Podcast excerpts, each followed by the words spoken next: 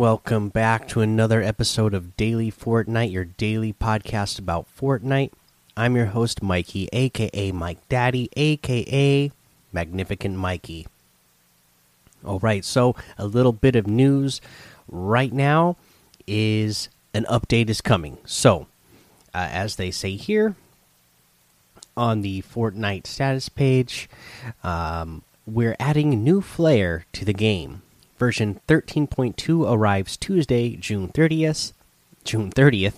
Yes, we jumped numbers. Downtime will begin at 2 a.m. Eastern. So, as of the time I'm recording this, that's just about mm, a little under five hours away. So update coming very soon, and you'll notice they say they're adding new flair to the game. That's a clue because there has been uh, the rumored or the leaked flare gun that's going to be getting added to the game this season. So I'm expecting this flare gun is going to be getting added to the game. Now, normally these last few updates, they've been sending out emails to the content creators to give us a little highlight of what's going to be coming. I haven't received the email yet. I've been checking. Uh, if I had it, I would let you guys know. But as of right now, I don't have anything yet. And I was debating if I was going to wait a few hours to see if they sent one out. Uh, but I decided I'm pretty tired today, and I don't know what time they might send it out. So I wanted, I just want to make sure that uh, I'm not staying up too late waiting for an email that they may or may not send, giving us a, a little bit of details about what's in this update. Uh, but like I said, I am expecting that the the flare gun is going to be getting added into this update since they uh, put that little clue in the in the announcement here.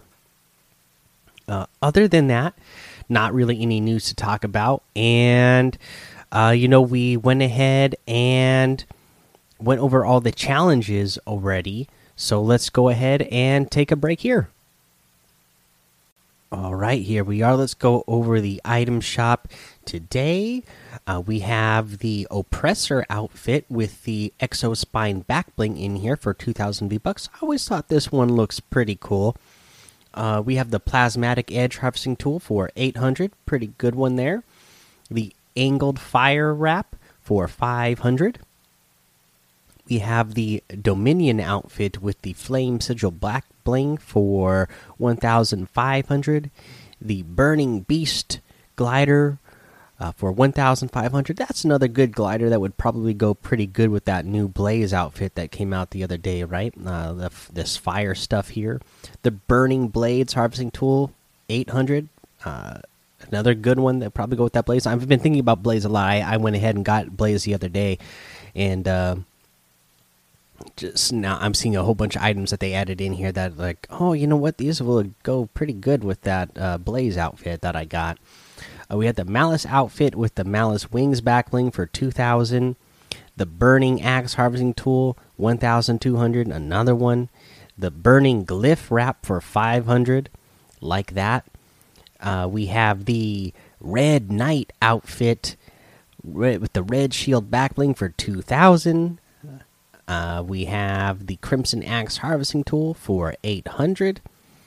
We got the Skully outfit with the Skully Satchel Backbling for 1200. Love this one. The Stark Splitter Harvesting Tool for 800. That's another great harvesting tool. The Deep Dab Emote for 200. The Shaolin Sit Up Emote for 200. The No Sweat Emote for 500. And the Swamp Stalker outfit for 800. You can get any and all of these items using code Mike Daddy M M M I K E D A D D Y in the item shop and some of the proceeds will go to help support the show.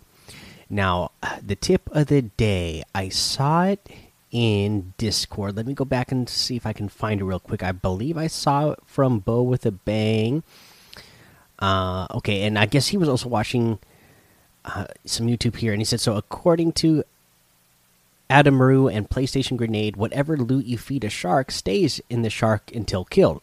And that is absolutely true. So, if you could convince a shark to hang around without getting too chompy, you could use it as an entirely separate loadout supply.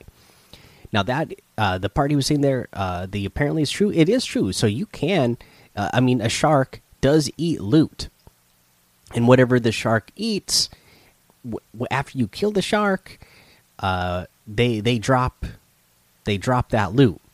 So that might be a strategy that you could use in some pub games.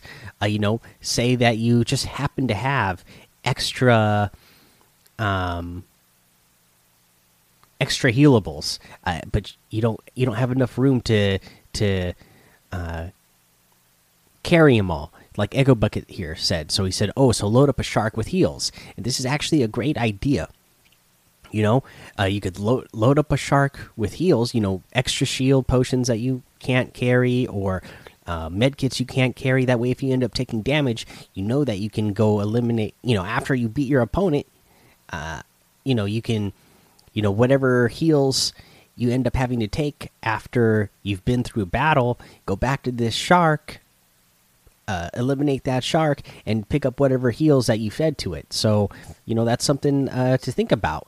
Um, not sure, you know, how often you're going to be able to use that. And like I said, it's not going to be something you're going to do in competitive, I don't think. Uh, you know, something that you could do for the memes and pubs but uh, something to think about and something I hadn't thought about. So I thought that was just a, a cool idea there. So uh, yeah, uh, try that out sometime and see how that works for you. And be aware that yeah, you can uh, eliminate a shark and it will be carrying loot. So sometimes you might just run into a shark randomly. Uh, you know, sometime mid match, it might have eaten a whole bunch of loot already. And if you don't have that good of loot right now, uh, but you feel like you have enough ammo to take out the shark, you know what? Go ahead take out that shark and you know it potentially might have some better loot for you. So something to think about. All right guys that's the episode for today. Go join the daily fortnite discord and hang out with us. Follow me over on twitch twitter and youtube. It's mike daddy on all of those. Head over to apple Podcasts, leave a five star rating and a written review for a shout out on the show. Make sure you subscribe so you don't miss an episode. And until next time have fun be safe and don't get lost in the storm